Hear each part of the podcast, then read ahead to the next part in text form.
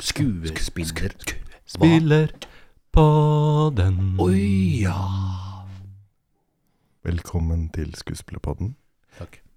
I Takk dag insisterte gjestene selv på å lage jinglen. Eh, og eh, spørsmålet jeg har å stille deg, er hvordan kan skuespiller og dramatiker jobbe sammen? Ja, da må dramatikeren først bør ha skrevet en tekst. Så bør skuespilleren også ha jobbet litt tidligere. Pugge teksten, og så blir det forestilling, og så blir det Og så er det slutt. Så må jeg skrive en ny tekst. Så da fikk du svar på det, så da Ja. kan vi gå hjem. Det var altså eh, skuespiller Terje Strømdal som svarte, og eh, forfatter Demian Vitanza som konkluderte. Som ikke svarte. Ja, han konkluderte. Ja, det gjorde han. Ja. Men eh, må det nødvendigvis skje på den måten? Eller kan Nei. det skje på andre måter også? Det er vel det vi skal se på i dag. Ja, fordi hovedårsaken til at dere sitter her sammen med meg i dag, det er at eh, dere i 2018 hadde premiere på monologstykket 'Tyngde' på Nationaltheatret. Året etterpå så fikk det også Ibsenprisen. Og dette stykket er altså primært spilt av Terje og skrevet av Demian. For de som ikke har sett stykket, hvordan skal vi beskrive det? Vi starte der? Jeg kan uh, prøve å forklare. Det, det er eh, to monologer, egentlig. Uh, en litt kort for en jente, barn. Og så er det en lengre monolog, som er da Terje sin monolog. Og denne monologen er forteller jeg eh, er et frø. Det er et frø som forteller om det livet det kommer til å leve som menneske, men eh, beskriver seg selv også ofte som plante, med et planteliv. Eh, og det livet som eh, dette mennesket kommer til å leve, er fullt av utfordringer. For polio som barn, det påvirker kroppen, beina i ulik lengde, blir ertet for det. Finner etter hvert ut at han er homo, men så blir han dratt inn i eh, Jehovas vitner, hvor det selvfølgelig ikke er akseptert, og da blir det en sånn indre kamp rundt det, og en søken hele tiden. Eh, også en søken etter eh, kjærlighet, og det finner han til slutt når han møter den skuespilleren som vi står og ser på på scenen. Så denne personen, Terje altså, blir beskrevet i tredje person av Terje selv. Ehm, så det er, eh, det er utgangspunktet. Og så finner han kjærligheten, men da begynner også helsa å bli dårligere igjen. Så han finner, finner kjærligheten, og så, så eh, prøver å holde fast ved det vakre, mens kroppen egentlig eh, lider mer og mer, da. Og, den, og denne teksten er altså du som fremfører, Terje. Og, Ja. Um, og, og denne personen som uh, det man snakker om, er jo en, en person som har levd. Ja, som er min avdøde mann. Ja. Og som er på en måte fra det perspektivet, det er hans stemme det man skriver fram. Ja, det er det. Det er en slags jeg-form. Jeg jeg-form, eh, og jeg står jo altså personlig, eh, eller privat, på siden av teksten på et eller annet merkelig vis og hører Vidar, min avdøde mann, snakke om det livet han har hatt før vi traff hverandre, det livet han fikk når vi var sammen, og det livet han lever nå, etter døden. Så det er um, Jeg vet ikke om vi skal gå inn på det, men, men når jeg fikk den teksten Det har en historie i forkant også, men når jeg fikk teksten i hende og begynte å lese på den, så tenkte jeg at dette her blir et pipshow. Fordi at det går jo klart fram ut i teksten at det er, at det er en ja, personlig, men, men en privat, min fortelling om, og Vidars fortelling om vårt liv. Og jeg tror ikke noen innbiller seg eller prøver å tro at det å fortelle om seg selv er interessant for andre. Eh, Den skal jo inneha muligheter til å assosiere da, for et publikum, eller de som lytter, assosiere til eget liv. Og det fikk jeg kort sagt, så fikk jeg jo svar på det etter hvert, at, at eh, det var ikke noe å være redd for. Det ble ikke privat, det ble en personlig fortelling som også angikk de som fikk gleden av å se, se forestillingen. De, de færreste skuespillere ønsker jo å stå på scenen og på en måte formidle og snakke om sitt eh, privatliv. Så det å liksom eh, det å liksom gjøre en sånn tekst har jo mange ting eh, mange utfordringer i seg, vil jeg tro, som vi kan snakke om. Men hvordan i det hele tatt kom teksten i stand? Var det sånn at Demian foreslo å skrive denne teksten for deg, eller var det altså, utgangspunktet for det? Det kan ha fortrengt det, men jeg husker bare at vi kom sammen i en eller annen sammenheng. Hvem som tok initiativ, husker jeg ikke. Det kan det med han fortelle etterpå. Han som har et yngre hode og flere gigabyte ledig oppi der. Uh, vi kom sammen, og jeg sa at dette kan jeg ikke gjøre. Og så fant uh, det med han ut at det kan vinkles en annen måte å fortelle på. Uh, altså ved å være da jeg, jeg Figuren er Vidar selv. Så du lurte i utgangspunktet på om du skulle skrive noe om det sjøl, eller? Nei. Nei, nei, nei, okay, Hvis jeg sa det, så er det misforstått. Nei, Nei, nei, nei, nei. nei. Det Forslaget kom annensteds fra. Jeg tror vi møttes uh, i forbindelse med at vi hadde begge undervist samme klasse uh, Så, på okay. KIO. Uh, Teaterhøgskolen, altså? Mm. Og, ehm, og ble, ble kjent, og det var ikke så veldig lenge, kanskje et år etter at Vidar hadde gått bort. Så ble vi litt kjent, snakka sammen, snakka om livet i flere runder etter hvert, og øhm, jeg ble nysgjerrig på øh, Vidar sitt liv. øh, og også forholdet ditt til ham, da. øh, Savnet. Um, For du blir altså kjent med um, Terje på et tidspunkt som er hvor han naturlig nok er en sterk sorgperiode. Ja, han prosesserte og Mm. delte om det. Og så var det noe der med Vidars eh, enorme lidenskap for eh, planter, eh, som jeg syns var veldig eh, interessant og, og sterkt. Eh, og det å finne så mye liv, det å, det å forholde seg så inderlig og til, til eh, til noe som Til organiske, hva skal man si, eksistenser som er egentlig ganske langt fra oss selv. Det syns jeg var rørende.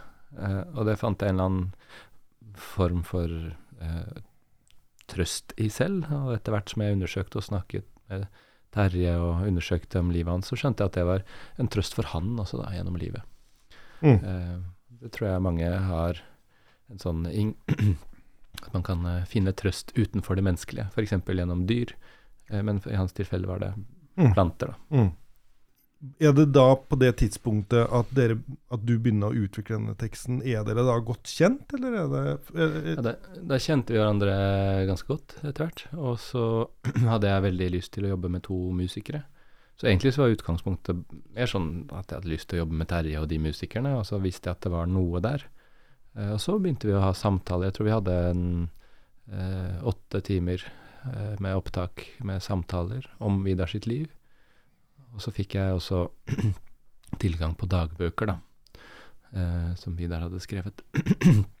så i dette tilfellet vil jeg jo si at eh, det var veldig mye Det start, på et eller annet vis starta det med at Terje bare fortalte noe til meg, og så tenkte jeg kanskje at dette kan være noe. Ehm, og så kom jo veldig mye av informasjonen og bakgrunnen fra eh, Terje. Så i dette tilfellet så har det jo vært egentlig helt fra begynnelsen av et samarbeid mellom skuespiller og dramatiker da, på den måten. Og det tenker jeg Det var også inspirerende å tenke at uh, dette her kommer fra, fra uh, Mye av det kommer fra Terje på forskjellige vis. Og så skal det tilbake til han. Det var inspirerende på flere måter. For det første så visste jeg da at han er veldig investert i materialet. At det kom til å gjøre noen ting med han som kom til å påvirke skuespillerarbeidet. Og jeg prøvde å finne interessante måter å trigge det på. Eh, og det andre var jo også liksom at det var et fellesskap i det, da. Eh, selv om mye, av skriveprosessen eh, gjorde jeg alene. Det var et par ganger hvor det var noen lesninger og noen, noen, noen få, få justeringer, men, men det var en sånn Hoveddelen av samarbeidet lå i den samtalen, og, og at kildematerialet kom fra Terje. Uh, er ikke det Husker du det på den måten? Jo, men jeg sitter bare og tenker på, på den, den, det spesielle og veldig, jeg vil tro, annerledes Det som er annerledes i forhold til kanskje andre lignende historier som skal fortelles gjennom en forfatter, er jo at eh, du fikk tilgang på 13 tykke dagbøker som Vidar skrev fra han var 12-13 år, så vidt jeg husker. Om alt fra kriser til oppturer, om det var mest nedturer. Og de dagbøkene har jeg til dags dato ikke lest. Og jeg hadde ikke lest dem da jeg ga dem til Demian. Og tenker her kan man få seg en et, havne i bakhold. Fordi at der kan det jo stå ting som Vidar ikke har fortalt meg, eller som jeg ikke har sett i vårt samliv. Og det er jo helt riktig. Det skjedde også. Mm. Hvor det dukka opp en eller to situasjoner, eller utsagn, som jeg skulle si. Altså jeg-stemmen er Vidar. Vidar skulle si det om ting om meg som jeg, når jeg leste det, tenkte dette er ikke sant. Hvorpå Demian sa jo det står i dagboka. Ok, da får vi by på det.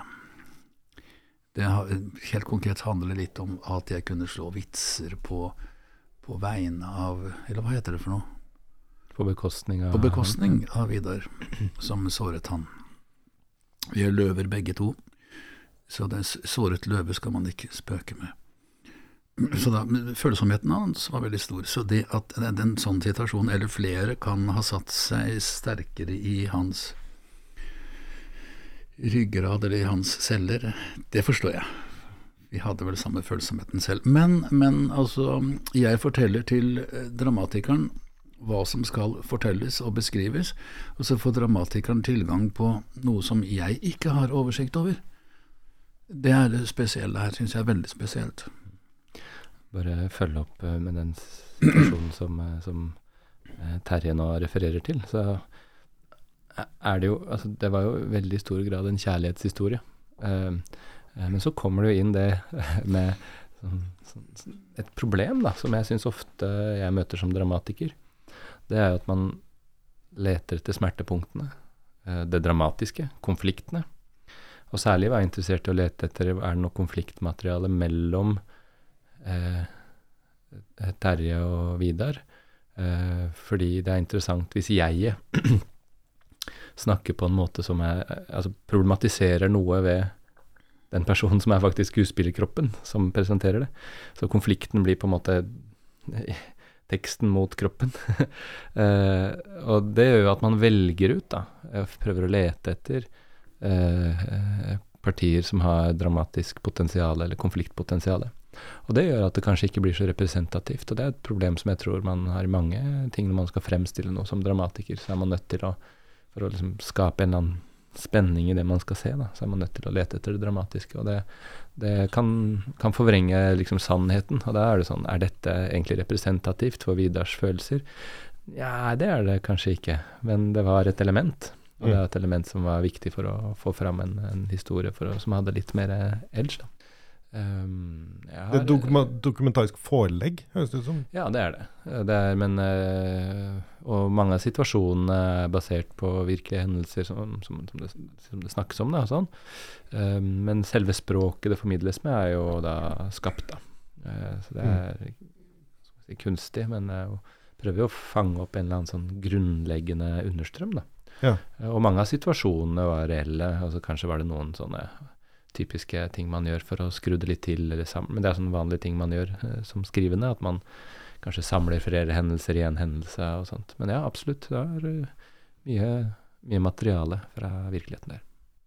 Var det sånn at denne teksten eh, ble du forelagt i mange omganger, at du snakka mye om den underveis? Terje, eller? Ja, flere omganger, så vidt jeg husker. Så et, for meg hadde det et vendepunkt når, når Demian fant fortellermåten. Men fortellermåten, sier du, da tenker du på posisjonen? Hvor han snakker fra? At han snakker fra liksom hinsides? Ja, altså det blir ikke 'jeg møtte Vidar', og jeg skal nå fortelle om oppveksten hans og livene, livet vårt. Nei, for det, det var der teksten begynte? Jeg tror aldri jeg hadde den, men det var det som var kanskje en redsel. da. Altså, ja, okay, etter hvert sånn, når, det kom, når, dette kom, så, så, så, viste det seg at det fungerte. Så måtte jeg ta en liten omvei. Mm for å få det til å fungere. Men det tenker jeg ikke bare var for Terjes følelse, det var liksom for historiens del. Da. Jeg syns også det at det, man trenger ofte distanse for å skape nærhet. Da. Eller for å akseptere nærhet. Eh, særlig når det kommer en sånn kunstnerisk eh, innpakning med egentlig mennesker vi ikke kjenner privat. Da. For det er jo Som tilskuer til den forestillinga, så vil jeg jo si at det er jo det som oppleves veldig sterkt, men også veldig sårbart. At at du snakker din avdøde manns stemme, og, og også hans opplevelse av deg sjæl, En ting er at uh, Demian har dikta noe om det, men samtidig også fortelle noe om det som er sant. Og, og, må du, og du må forholde deg til alle de tingene her. Og, og som publikum blir sittende og prosessere alle disse tingene her. Så, så det, det, gjør jo forestillinga uvanlig interessant i spørsmålet hva, hva, i all verden er skuespilleren i denne forestillinga? Hvem er skuespilleren? Jeg kan begynne et sted. Ja, jeg kan begynne et sted med det som rører seg i meg når du stiller det spørsmålet det er, jeg er en skuespiller som har vel ganske tidlig i min karriere tenkt at nå må jeg må komme dypt inn. Jeg må hvis jeg, hvis jeg spiller en situasjon hvor jeg gråter, så må jeg komme dit. Og hvis jeg spiller en situasjon hvor jeg er dypt, dypt lei meg, så må jeg komme dit ved å hente opp ting i eget liv, altså hendelser i eget liv. Jeg fikk ikke til det. Så jeg har gitt opp det. Så hvis, hvis, jeg gjør noe inntrykk av Hvis jeg gir inntrykk av at nå er karakteren i dyp, dyp, dyp sorg, eller nå er karakteren fylt av kilende latter, så er det bare spill fra min side. Jeg går et sted som ikke Jeg har ikke, jeg har, jeg har ikke jeg, har ikke fått det til, og har sagt at sånn er det. Jeg kommer ikke dit. Så får jeg være skuespiller, spille til skue. Men selvfølgelig slipper jeg ikke unna at det er noe i meg som rører seg hvis jeg spiller en Norén-greie hvor spiller en alkoholisert pappa som ødelegger familien sin. Så det er klart det sneier borti, men jeg kan ikke, jeg kan ikke ønske å gå dit. Altså til hvem er Terje som skal spille dette? Men i denne fortellingen, som Demian har skrevet, så dukket opp noen jeg vil kalle det nærhetspunkter til, i meg som skuespiller, fordi den var så, var så privat. Velger å bruke ordet privat, ikke personlig. At jeg ble den Igjen den sorgen som jeg ikke fikk fullført når Vidar døde. Den, i, i, form av å bryte sammen og ikke klare livet og, og nå er alt slutt og sånn, der var jeg ikke. Det må jo bety at min eh, konstitusjon har valgt å ta ut sorgen og savnet i porsjoner som er håndterbare. Og det, det, det, er jeg veldig glad for, for det skjer. Det skjer daglig, nesten. Det kommer sånne små glimt av savn, sorg over Vidar, enda det er ti år siden. Um, men det var perioder i situasjoner, forløp, i den øvingsprosessen hvor jeg møtte sorgen over tapet av Vidar. Dypt, altså. Jeg kom ikke videre i visse prøvesituasjoner og visse ting jeg sa på scenen, så tok rett og slett gråten meg. Og den kom jo fra savn, sorg, kanskje. Det har jeg aldri opplevd før. Aldri som skuespiller. Og det ekstra spesielle her som, som holdt på, og som er vel kanskje største, et av de største sjokkene jeg har fått i mitt liv, det var to dager før, det var på generalprøven, eller to dager før.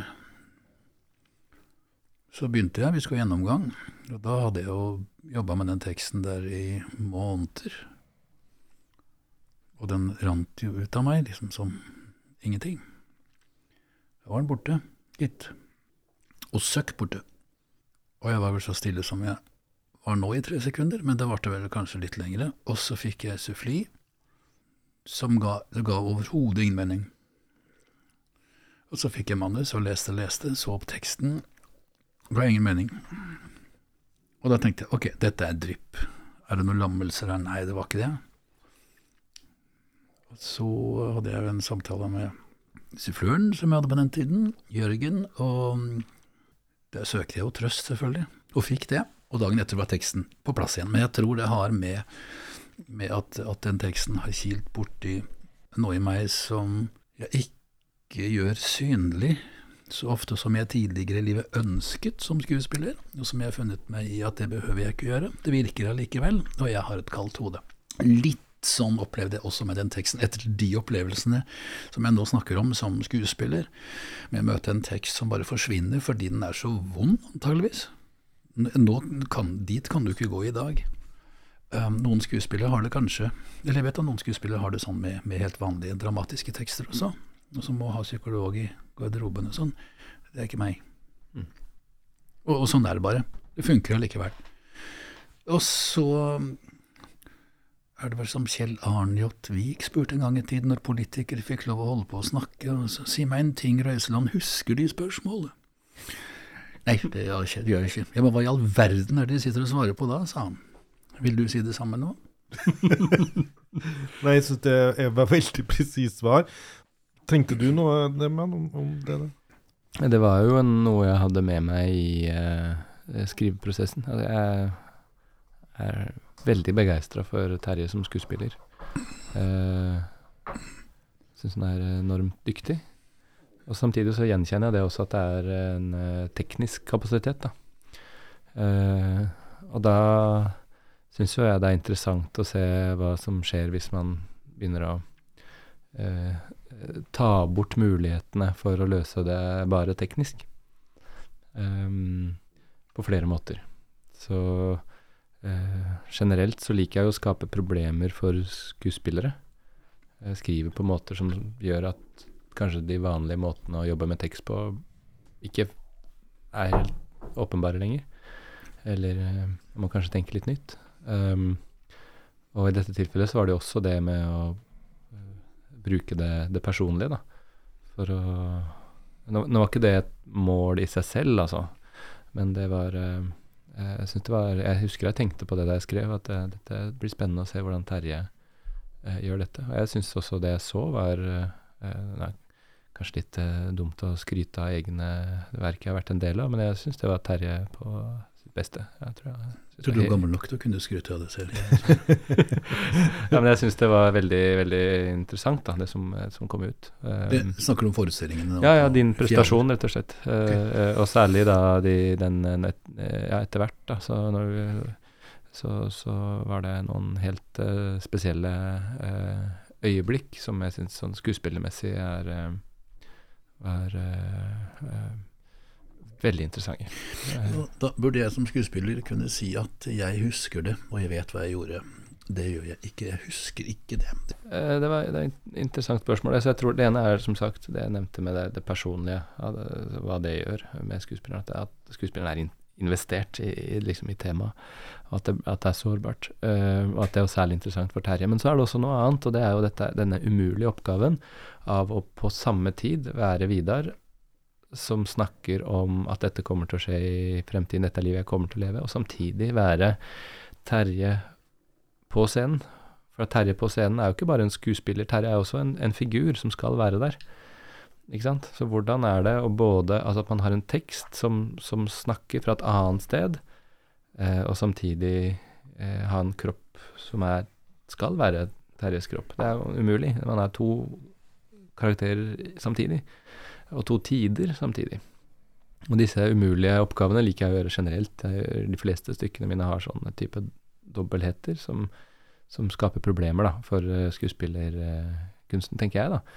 Du eh, tvinger skuespilleren til å disassosiere, er ikke det man sier? Jo, det er en dissosiasjon altså, mellom, mellom, tekst og kropp. Mm. Uh, så teksten kommer fra ett sted, og kropp Og det, det, egentlig så er jo det skuespillere alltid gjør, for at skuespilleren er jo alltid en, en, skuespiller.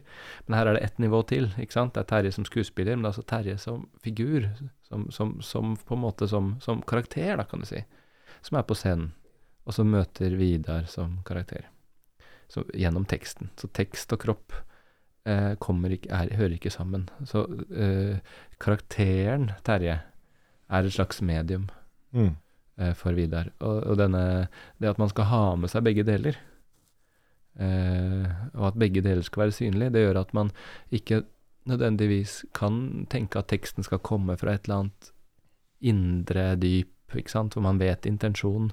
Teksten kommer gjennom deg som, som et mm, liksom et sånn spirituelt medium, nærmest, ikke sant, ville snakket. Eh, og samtidig så er man nødt til å reagere på det, og forholde seg til det som blir sagt, som noe reelt. Eh, og det um, er utrolig vanskelig, og spørsmålet er jo da hvem er den man ser på scenen? Er det Vidar, eller er det Terje? Hvordan veksler dette? Hvordan jobber man faktisk med teksta? Eller er det Demian? igjen? Eller er det det? Men jeg tenker uansett at Eller det, det jeg husker fra Eh, de forskjellige eh, forestillingene, Terje, det var at du prøvde forskjellige måter, forskjellige innganger til dette. Og så husker jeg at eh, det var en veldig, veldig god forestilling som var den tredje forestillingen. den, eh, på Nationaltheatret, og da var det noe som Simon Boberg, regissøren, hadde sagt. Og da etterpå sa vi 'der var den', og vet du hva det var, Demian? sa han. Eh, for han prøvde å finne liksom registikket som var liksom perfekt. Og det var Vidar er overalt. Uh, og det at Vidar er i alle partikler i rommet. Han er i lufta, han er i veggene, han er i publikum. Så det betyr på en måte at uh, Terje, ikke bare skuespiller-Terje, men også karakteren Terje, søker utad og lytter samtidig som han snakker. Og den intense lyttingen samtidig som han snakker Man snakker og tenker man at det er en utadbevegelse. Men da ble det det som jeg håpet på, at det å, det å snakke ble en innoverbevegelse. Altså for teksten man sier, teksten ja, den kommer ut fra ditt stemmeapparat, eh, men, men, det er akkurat som den egentlig eh, du, du, tar den inn som om den er der ute. Da skjedde det noe veldig, veldig spesielt, som, eh, som jeg var veldig glad for å se. Ja, det stemmer det. Jeg husker det nå, når du sier det. Um, så det ble en slags uh, lytting. Jeg, har, jeg går inn på scenen. Jeg innbilte meg vel at jeg har ingen tekst. Jeg aner ikke hva jeg skal si. Og den kan komme fra en vegg, et en flue, som kanskje tilfeldigvis er i scenerommet, publikum, Gud eller bakken, djevel eller et tre, hvis vi hadde det som vi hadde noen sånne lysstolper som dekorasjoner. Ja, hvis det er det du Da legges vel også bort den der prestasjonsgreia som skuespillere har, altså med undertekst, hovedord, ettertekst, hvorfor uh, Og monolog er, er, jo en dialog med publikum osv. Det var nok det som var så vanskelig å plassere når, vi, når du da reagerte på en av forestillingene. Hvor jeg, jeg kanskje ikke hadde funnet en av Men ja, riktig. Vidar er i alt, og det kommer en Står jeg lenge nok stille på scenen, så kommer det nok en tekst. Mm. Selv om jeg, det var ikke så mye stillhet oppå der, men det var riktig, det var grepet. Altså, den kom, den kom utenfra. Ja, hvis det gir mening til de som spiller teater. Aner ikke. Det har vært spennende å eh, utforske hva den mentaliteten der hadde gjort i et vanlig stykke, på en måte, hvor som ikke hadde den dobbeltheten og den feedback-loopen av tekst og kropp eh, og dissosiasjon, men, eh, men, men på en måte jeg syns det ville vært spennende å se, se det som uh... Jeg tror jeg er en sånn skuespiller. Mulig at det skjedde da, men at det alltid har vært sånn.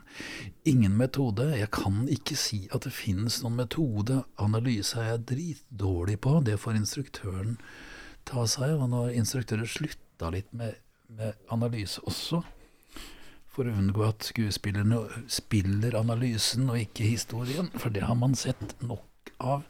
Og det å hente teksten Altså, teksten eksisterer ikke. Jeg mener det må være Det tror jeg det er min måte å være skuespiller på, og bør være alles, litt flere kanskje, måte å spille på. Jeg aner ikke hva jeg skal si. Så du sier noe, og jeg spiller, nå ser jeg på det med han, for de som ikke ser oss. Så sier jeg, jeg aner ikke hva jeg skal si, og så sier det med han noe, eller karakteren du spiller noe.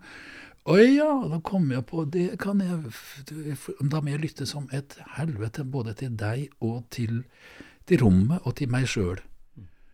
Uh, eh, og det finner jeg ikke noen metode Jeg kan ikke trekke noen metode ut av det, annet at det kanskje er en metode. Så det som da Simon ga meg som instruksjon den gangen, har nok Det må ha fulgt meg. Altså, sånn er jeg. Sånn spiller jeg nå. Jeg aner ikke hva jeg skal si. Forholder meg til det som er rundt meg. Mm. Jeg tror det kanskje er en lur måte å få publikum til å oppleve at dette skjer foran øynene våre nå for første gang, gitt. Jeg går jo som regel, kan være før pausen også, når, når jeg ser at folk har øvd for mye. Jeg har lyst til å forfølge én påstand du kom med i sted, Terje. Altså, sånn som jeg fortolka deg, når du snakker om liksom, din måte å jobbe på, så ok, du hadde som mål å bruke følelser eller få tak i de, og så har ikke det vært din måte å jobbe på, eller det har du ikke fått til, eller der har du mislyktes, du må finne en annen måte. Um, jeg har jo følt det som skuespiller siden barn. Siden barne-TV, liksom. Uh, og jeg ser jo ikke det. Så spørsmålet mitt er litt sånn Er det sant? For jeg mener jo å se en skuespiller som i veldig mange sammenhenger, på film og på TV og på teater har gitt meg en sterk opplevelse av noe veldig sårbart og tilgjengelig og emosjonelt.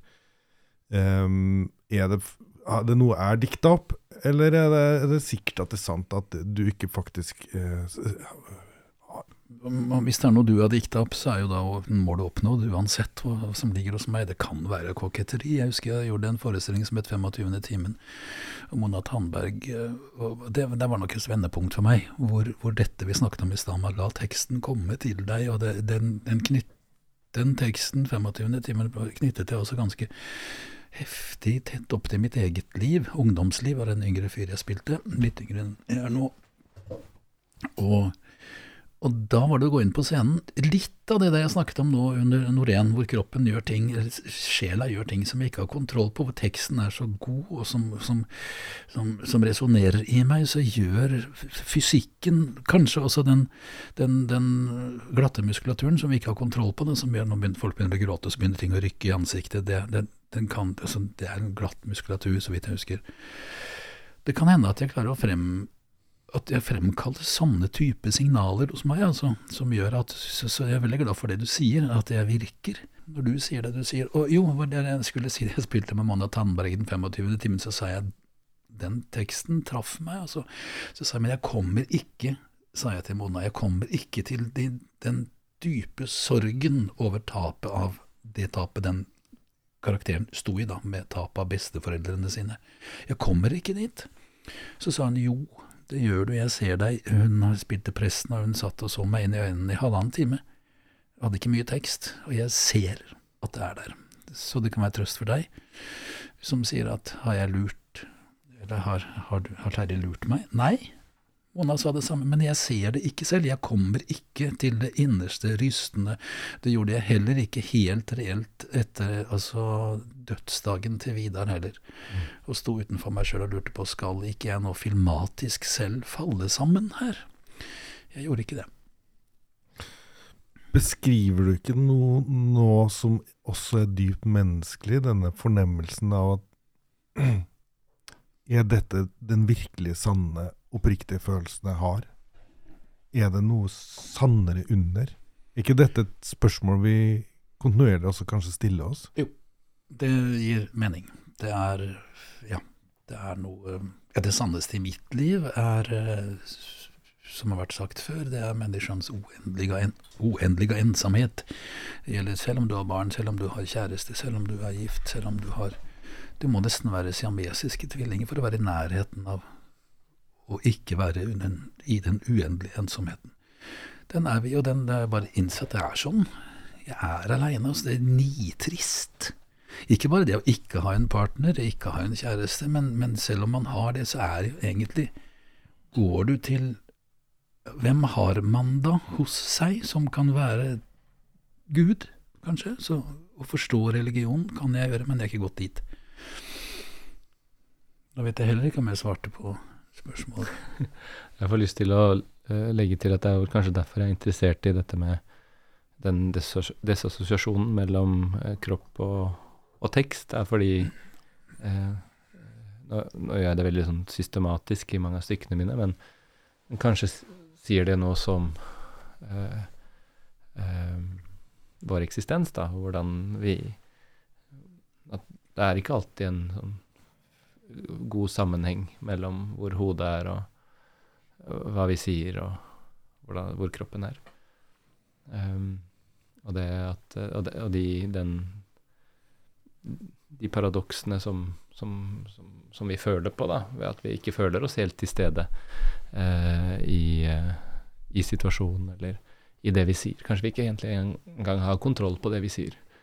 Uh, og det er jo noe som jeg syns er interessant å å undersøke, da, eh, ved å liksom virkelig dra det ut i disse ekstreme eh, eksperimentene som jeg gjør i stykkene mine.